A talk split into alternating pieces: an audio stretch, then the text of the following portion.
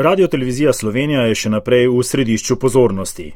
Po referendumu pred letom dni, kjer so voljivke in voljivci potrdili spremembe v upravljanju, je trajalo več mesecev, da so se te spremembe tudi udejanile.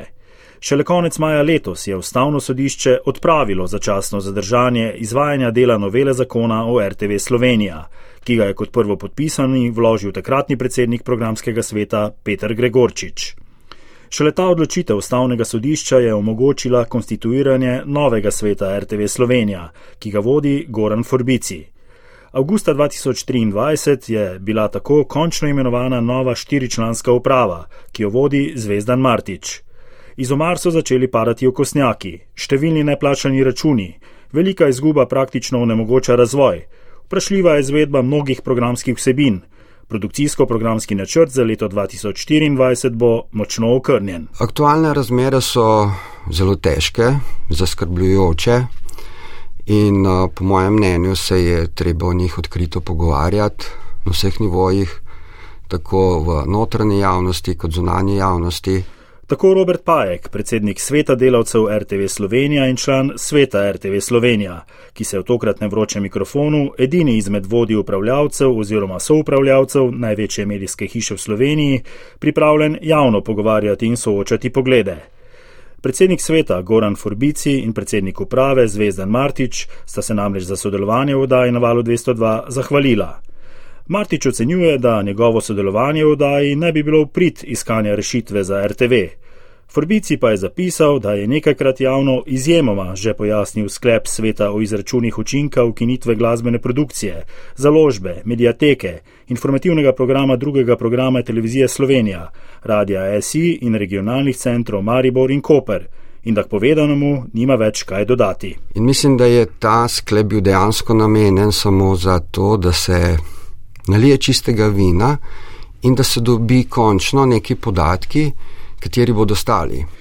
Morebitno racionalizacijo tako komentira Robert Pajek, predstavnik zaposlenih, ki pa je tudi glasoval za sklep o pripravi učinkov ukinitve omenjenih enot. Kaj ti popolnoma nič ne naredimo, če bi ukinili, morebitno ukinili katero koli izmed naštetih enot ali služb, če ne bi imeli popolnega izračuna. Kaj ti, če nekoga ukineš, še vedno imaš zaposlene smo v javnem sektorju, v javnem sektorju je zelo težko koga odpustiti, kar je tudi pravilno, delovci so le varovana skupina. In to, kar je bil na mizi ta predlog, kateri bi res lahko in tudi je deloma odgovoril na te dileme, kaj, kako, koliko stane in tako naprej. Ampak zaposleni v teh enotah, eh, seveda tega more biti, niso razumeli tako. Ne? In boriva tudi iskreno, lahko se jaz rečemo formalno gre za poizvedbo, ampak to vendarle eh, je nek, neko sporočilo. Ne? Tako čisto na človeški ravni eh, se težko zamaskira samo v neko morebitni sklep. Tako da nek odziv verjetno tudi za vas ni presenečen, glede na to, da ste delovski aktivist že dolga leta. Ja, sam tukaj bom kar uporabil besede. Eh, kolegice v svetu, gospe Ilinke Todorovski, katera je že na sami seji rekla, da pri polni zavesti podpira ta sklep, vendar si ne želi, da se ta sklep interpretira na tak način, kakor se je potem dejansko tudi v javnosti, tako notranji in zunanji. Ne? Podarjam, izključno smo hoteli priti do nekih res empiričnih, predvsem finančnih podatkov in uh, to je bil ta namen. Mhm. Kaj ti do takrat tega nismo imeli? Nikoli se nismo pogovarjali, koliko stane, če eno službo zapreš, in potem, če greš po neki logiki, uh, koliko so odpravnine, kdaj se sploh ta efekt pojavi, kdaj je učinek tega uh, vrčevanja. In iz teh podatkov, smo dobili, se pač prav lepo vidi, sicer so. Eh, natančni izračuni mogoči šele res, če bi kdaj do tega prišlo, čeprav jaz osebno mislim, da ni neke bojazni za to, ampak recimo prvo leto sploh ni praktično nobenih učinkov. Mhm.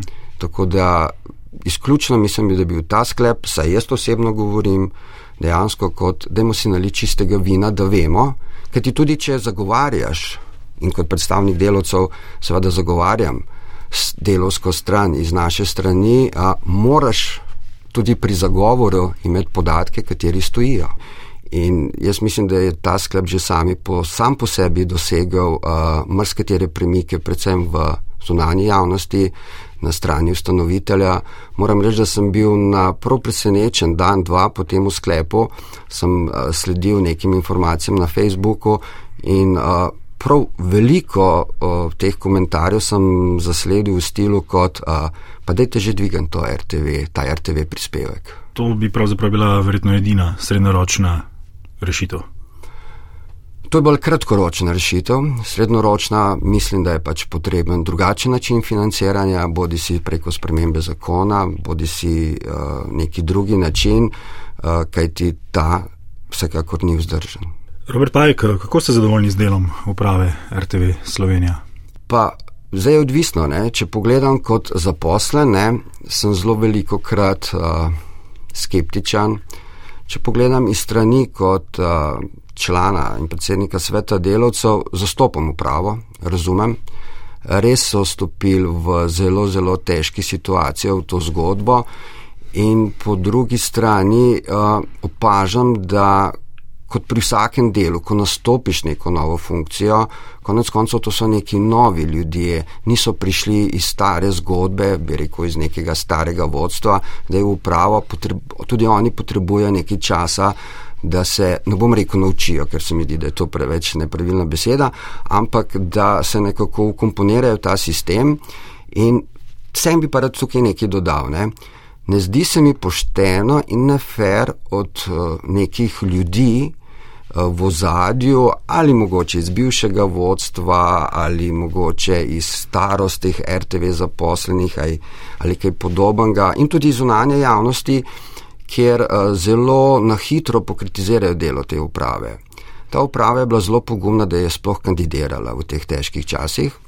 In uh, jaz iz tega jim izražam velik poklon zaradi njihovega poguma in upam, da se bo tudi zaradi načina dela uprave, ker moramo reči, da novela zakona o RTV-ju je le mogoče, zdaj vsi to tudi ugotavljamo, precej uh, nedosledna, nedorečena in tudi upam, da je spremembo statuta, katerega moramo do konca leta uvesti, eh, da se bojo te mogoče manjki, ki se trenutno kažejo, nekako uredili in v novem letu upam na boljše čase.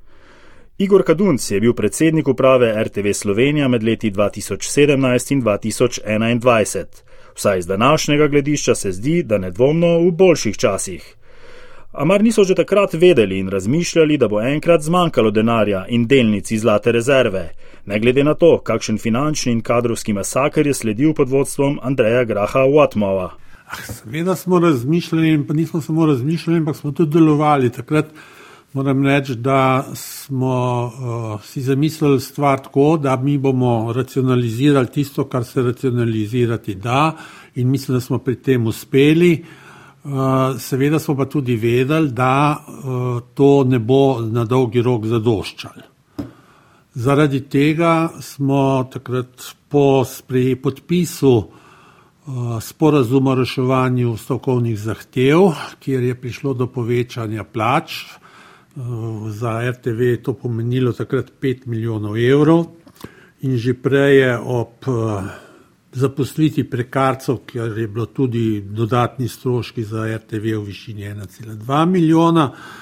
In potem ob sproščanju omejitev ZUIF-a, napredovanja, eh, plačila za pokojninsko zavarovanje, smo vedeli, da se da, stvari z racionalizacijami ne da več izvajati. Zaradi tega smo takrat pripravili kompleten elaborat, podali predlog za povečanje RTV prispevke za en evro.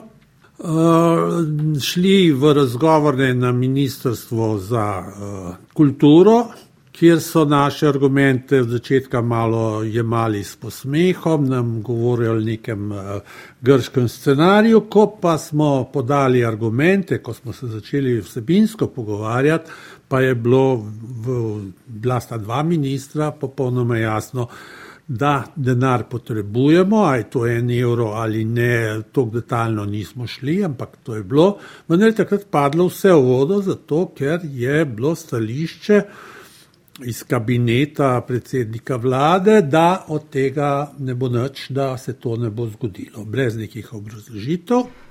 Predsednik vlade je bil v tistem obdobju Marjan Šarec, nekoč zaposlen ravno na RTV Slovenija. Vseeno je Kadunčeva ekipa z ministrstvom nadaljevala pogovore o spremembi zakonodaje.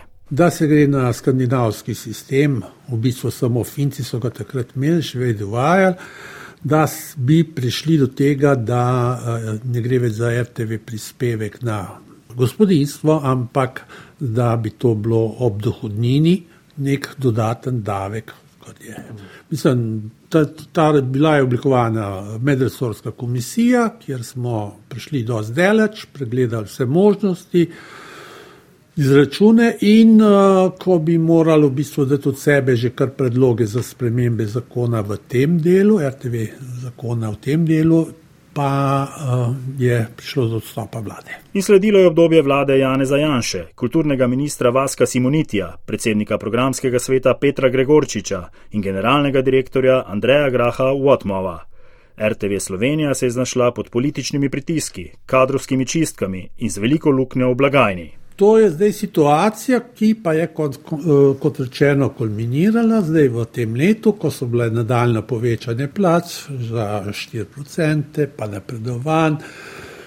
Izkazalo se je tudi to, kar je v 8-mesečnem poročilu, da se je na veliko podeljevala več upravilnost znotraj.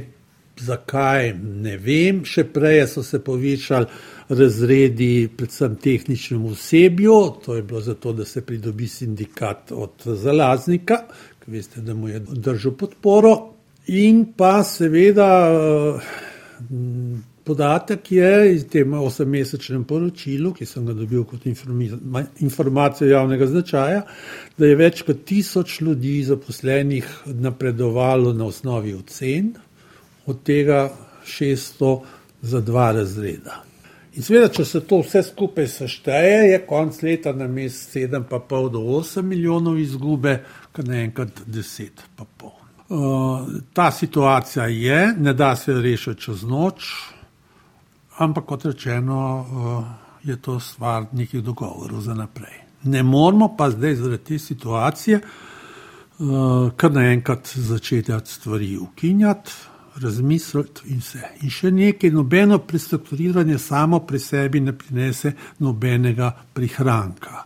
Če kdo reče, da je treba nekaj sanirati, prestrukturirati, pa ne pove kaj, to pokaže samo na to, da pojma nima, kaj bi bilo treba narediti, da bi se neki finančni učinki naredili. Na stroškovni ravni je vsaj kratkoročno zelo malo manevrskega prostora. Če kdo misli, da bi se s tem, ko bi se ukinila orkest, orkestra, privrčevalo, ja, načeloma da, vendar uh, na dolgi rok, ker imajo vsi odpravnine in predvsem uh, gre za, potem bo RTV tudi manj narja potreboval, to se pravi, bo to tisti, ki bo odločil, vzel v račun. Ne? Tako da to na tak način ne gre.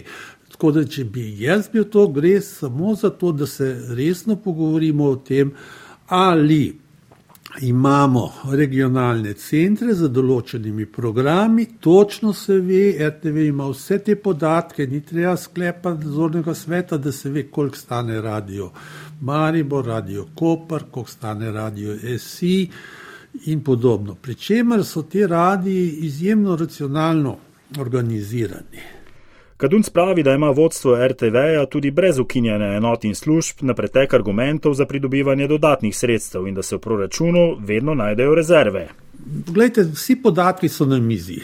Zdaj, ali to merimo stopno inflacije, sem naredil primerjavo z deležem koliko je proračun RTV-ja v primerjavi z družbenim brutim produktom. Če je bil leta 10 na celih 36 odstotka, je zdaj v lanskem letu padel na na celih 24. In to se jasno vidi, da sredstev ni za dosti, da se krči do te mere, da seveda potem pride do velikih problemov. Igor Kadunc, generalni direktor RTV Slovenija v letih 2017-2021, sklene, da je izvirni greh za finančne težave v nespremenjenem RTV prispevku vse od leta 2012. Poglejte, če bi se uskleval z inflacijo, v tem trenutku bi se RTV da rečem, kopov v denarju, ker ta moment ne rabi dodatnih 30 milijonov. Ne? Zato, ker se je moral racionalizirati. A dvig RTV prispevka je v zadnjem desetletju tabu tema za vse vladne garniture. Ministrstvo za kulturo je tisto, ki je strani ustanovitelja, torej države, odgovorno za delovanje RTV Slovenija. Kako gledajo na finančne težave, kako so in bodo še pomagali, pa pojasnjuje državni sekretar magistr Marko Rusjan. To je v bistvu intervencijsko pomoč, ne pa sistemska. Spravi, tukaj smo pač poiskali skupaj z upravo in pač tukaj pač eh, glavna vloga je tukaj mm, urad za narodnosti, ki financira te narodnostne programe in se pač tam uh, najdla možnost, da se tukaj dofinancira um, ta del. Pravi, da se določene stroške, ki do zdaj niso bili uh, uporabljeni, uh, se zdaj na ta način. Potekajo tu pogovori morda še za kakšno uh, sofinanciranje, ne vem, recimo glasbene dejavnosti, orkestra. Mi smo imeli več pogovorov. Spravim, prvi del je ta interventni, ne? to je v bistvu tisto, kar lahko mi, lahko država zagotovi brez spremembe zakonodaje. Ne? Ker pač eh, ne moremo kar iz proračuna eh, za določene eh, stvari dajati denar. Smo pa dogovorjeni z upravo RTV, da takoj v januarja začnemo z rednimi sestanki za spremembo zakona RTV-ju, ker bomo poleg teh zadev, ki so se pokazale v zadnjih mesecih, da mogoče je potrebno zaradi boljšega poslovanja, laže operative, eh, določene spremembe narediti manjše, pa bomo pa tudi šli skozi uh, sistem financiranja ne, RTV-ja. Tukaj pač bo treba pogledati. Uh, javne službe so določene, zdaj pr, pr, problem pri simfonikih in uh, big bandu oziroma glasbeni produkciji, da je v bistvu v zakonu opredeljena kot tržna dejavnost. Ne. Na podat, podatke, ki jih imamo, pa je jasno, da to, tukaj ta tržnost je zelo omejena, v bistvu, da se v bistvu dejansko večinoma financira iz prispevka ne, oziroma iz drugih uh, prilivov. Tako da tukaj bomo pač šli skozi vse opcije, možnosti in pač iskali sistemsko za neko trajno financiranje. Potem, Tudi dvig naročnine za leto 2024 s kakšnimi izredno uskladitvijo zaradi inflacije, to ni, ni na mizi. Ne, zdaj za 2024 tudi um, bo težko izvedljivo, za 2025 pa, pa seveda so vse opcije odprte, ne, to je pač treba pogledati. Zdaj, naročnino prispevek se ni dvignil že več kot deset let, uh, dejansko lahko ugotavljamo, da je prenizek priliv iz tega naslova, ne, glede na svojo inflacijo in druge rast stroškov, tako da samo ministrstvo nismo ne naklonjeni o spremembi prispevka, oziroma povišenju, bi pa bi pa tukaj opozoril, da, da pri prispevku je to zelo, to so zmerno višanje, ne učinkuje enako na vse prebivalce eh, Slovenije, spravi v bistvu par evrov na mesec lahko nekomu s visokim prihodki ne pomeni nič, ker to je v bistvu ena pijača v centru Ljubljane, medtem ko neki upokojenki, ki živi sama, je lahko to uh, tudi že uh, plival njen mesečni proračun. Zato bi mi tudi poskušali predstaviti varianto z neko progresivno progresivnim prispevkom, tako da bi bila tudi ta obremenitev po drugače razporejena. In s tem bi tudi mogoče dolgoročno lažje zagotavljali tudi določene dvige prispevka. Ne. To bo se začeli verjetno debate po novem letu, ne, tudi realno je to verjetno leto 2025, v najboljšem primeru 2025. Ne. Ja, mislim, bolj realno je štartati na 1.1.2025, da se vse ustrezno uskladi, tukaj, tukaj pač več akterjev, tukaj moramo se morati vlada poenotiti, polkašno rešitev najti, ne, ni samo naš resor tisti, ki tukaj odloča. Ne. Gre seveda za širšo politično voljo in pragmatično računico vsakokratne vladajoče garniture. V zadnjem desetletju, na kljub številnim argumentom in razpravam, na koncu do dviga RTV prispevka nikoli ni prišlo. Težave RTV Slovenija komentira tudi profesor dr. Igor Vobič z katedre za novinarstvo na Fakulteti za družbene vede v Ljubljani. Mediji so lahko tako imenovani eh, čuvaj demokracije le, če predstavljajo in izvajajo javni, torej zunaj strankarski nadzor nad nosilci politične in ekonomske oblasti. To pa na prvi pogled protislovno um, zahteva od politične oblasti, da se omeji in da z mehanizmi, ki jih ima na voljo, zagotovi pravni in materialni okvir za avtonomno delovanje medijev. V tem smislu je, kot pravi kolega Slavko Splihal, RTV Slovenija lakmusov papir demokracije. Tako da ta paket pomoči, ki naj bi v dveh letih znašal 15 milijonov evrov, tega dokumenta sicer javnost ni videla, sam po sebi ne pomeni nekega posega v neodvisnost RTV Slovenija. Bolj v bistvu tegne skrbeti, eh, kaj sledi.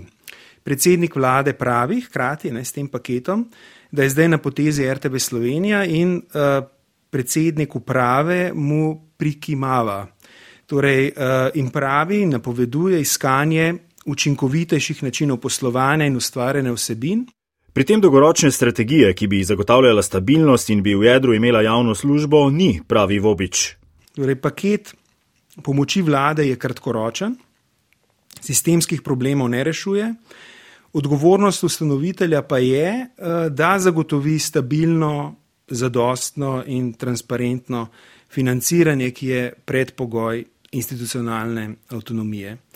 Sedanja ministrica, ne, eh, če se vrnemo zdaj nazaj na RTV prispevek, je junija lani dejala, da v času draginje RTV, eh, da v času draginje RTV prispevka ne bodo digovali. September letnos, ko bi pa spet vlada lahko dvignila prispevek, je bila pa tiho. Ne? Eh, gre za nekakšno nadaljevanje, kljub tej pomoči, finančnega izčrpavanja javne radio televizije in s tem se poglablja v bistvu dolgoletna finančna in organizacijska kriza, eh, pri čemer se ključnega vprašanja, kakšno RTV Slovenija kot družba potrebujemo, se v bistvu ne lotevamo. Z drugimi besedami, eh, če so javni mediji, lakmusov test demokracije, potem to kaže, da je demokracija v tej državi zakisana. Pričakovanja so bila po referendumu in konstituciji novih vodstvenih organov očitno prevelika. Uprava eh, je RTV Slovenija prevzela um, v izjemno zahtevnem finančnem in organizacijskem stanju, ki pa ni od včeraj in teh problemov uh, ni mogoče rešiti čez noč. Hkrati na RTV Slovenija še vedno teče stavka, Uprava ni uspela v pogajanjih, če tudi so napovedovali, da bodo stavkovni sporazum dosegli v treh dneh. Uh, ampak hkrati moramo nekako v tem kontekstu upoštevati, da delo uprave ne moramo misliti brez sveta RTV Slovenija, ki pogosto, predvsem njegov predsednik, govori v imenu uprave in ali pa o zadevah, ki so pristojnost uprave. Tako da v tem kontekstu ta nek ključen programski RTV Slovenija, svet RTV Slovenija kot nek ključen programski nadzorni organ javnega zavoda uradno tudi razmišlja v, o ukinjanju televizijskih in radijskih programov centrov v Mariboru in Kopru. S tem bi pomembno ukrnili javno službo, kar mimo veljavnega zakona. In to, kot pravi njegov predsednik, kar je protislovno imenu javnosti in njenega zaupanja. Profesorju Vobiču se zastavlja vprašanje, zakaj je svet RTV sploh sprejel takšen sklep. Po prvi razlagi gre za manipulativno politično komuniciranje, v katerega so dejavno vključeni uprava, svet RTV in vlada, ter pasivno tudi javnost in delavci RTV in sicer kot manipulirani. Torej, po tej razlagi je vlada pod javnim in strokovnim pritiskom, ki je sledil temu manipulativnemu sklepu sveta in ki mu je uh, prikimala uprava, politično oziroma se nekaj dost pritoževala. V bistvu je vlada na podlagi tega politično lažje sprejela paket, ta preomenjen paket pomoči. Če gre za manipulacijo, ne, eh, se sprašujem, kdaj gre sklepom sveta zaupati in kdaj ne, oziroma eh, kdaj jih imati resno in kdaj ne. Profesor dr. Igor Vobič dopušča tudi možnost, da so ukinitve nekaterih enot tudi že dejansko na mizi in da čakajo le še na izvedbo. In če ta torej, druga razlaga drži, je posebej problematična podpora sklepu vseh predstavnikov delavcev v svetu RTV Slovenija, e, ker bi dejansko ukinitev um, pomenila ne le množičnih odpuščanj in krnitev programov, temveč bi logika odreži, kar lahko, pomenila nesluten pretres za RTV Slovenija kot celoto, njene posamezne enote, nedvomno bi prizadela na nek način, tako ali drugače, tudi vseh teh šest delavcev, ki so kot predstavniki v svetu za ta sklep glasovali. Tako da ne glede na razlago, torej prvo ali drugo ali še katero, Pandorina skrinjica je po mojem oceni odprta in bojim se, da je RTV Slovenija pred novim mračnim obdobjem, tokrat nekega kratkovidnega stiskanja pasu, manipulacij in rezanj, in najtežje bo zaposlenim. Ne gre namreč pozabiti, da so bili prav zaposleni v zadnjih dveh letih ključni za ohranjanje verodostojnosti javne radio televizije v času njene strankarske ugrabitve. Radio televizijo Slovenija torej še naprej čakajo težki in negotovi časi. Konec leta se obeta več kot 10 milijonski minus. Iz finančnega načrta je razvidno 8 milijonsko povišanje stroškov dela ob ohranitvi števila zaposlenih. Primankljaj za pripravo proračuna za leto 2024 se ocenjuje na 23 milijonov evrov. Milijoni začasne pomoči bodo težko pokrili že tekočo izgubo, kaj šele da bi rešili strukturne težave. Morebitni dvig naročnine v letu 2025, torej šele dobri dve leti po referendumu, ko bodo vsi vladni sateliti skušali zloščiti že danes zamazano podobo, se zdi malo verjeten. Notranja racionalizacija je zagotovo nujna, rezerve so, a vprašanje je, če so realno in profesionalno prepoznane. Vendar tudi računovodsko vitkejša in na državne žetone in vrvice reševana RTV ne bo zmogla odgovoriti na izzive vedno bolj kompleksne in potrošne medijske realnosti. Odgovorne na vseh ravneh, od ustanovitelja, sveta in uprave, čakajo tako rekoč milijoni težkih odločitev, s katerimi bo redko kdo zadovoljen še posebej, če bodo te nekompetentne, nestrokovne in netransparentne.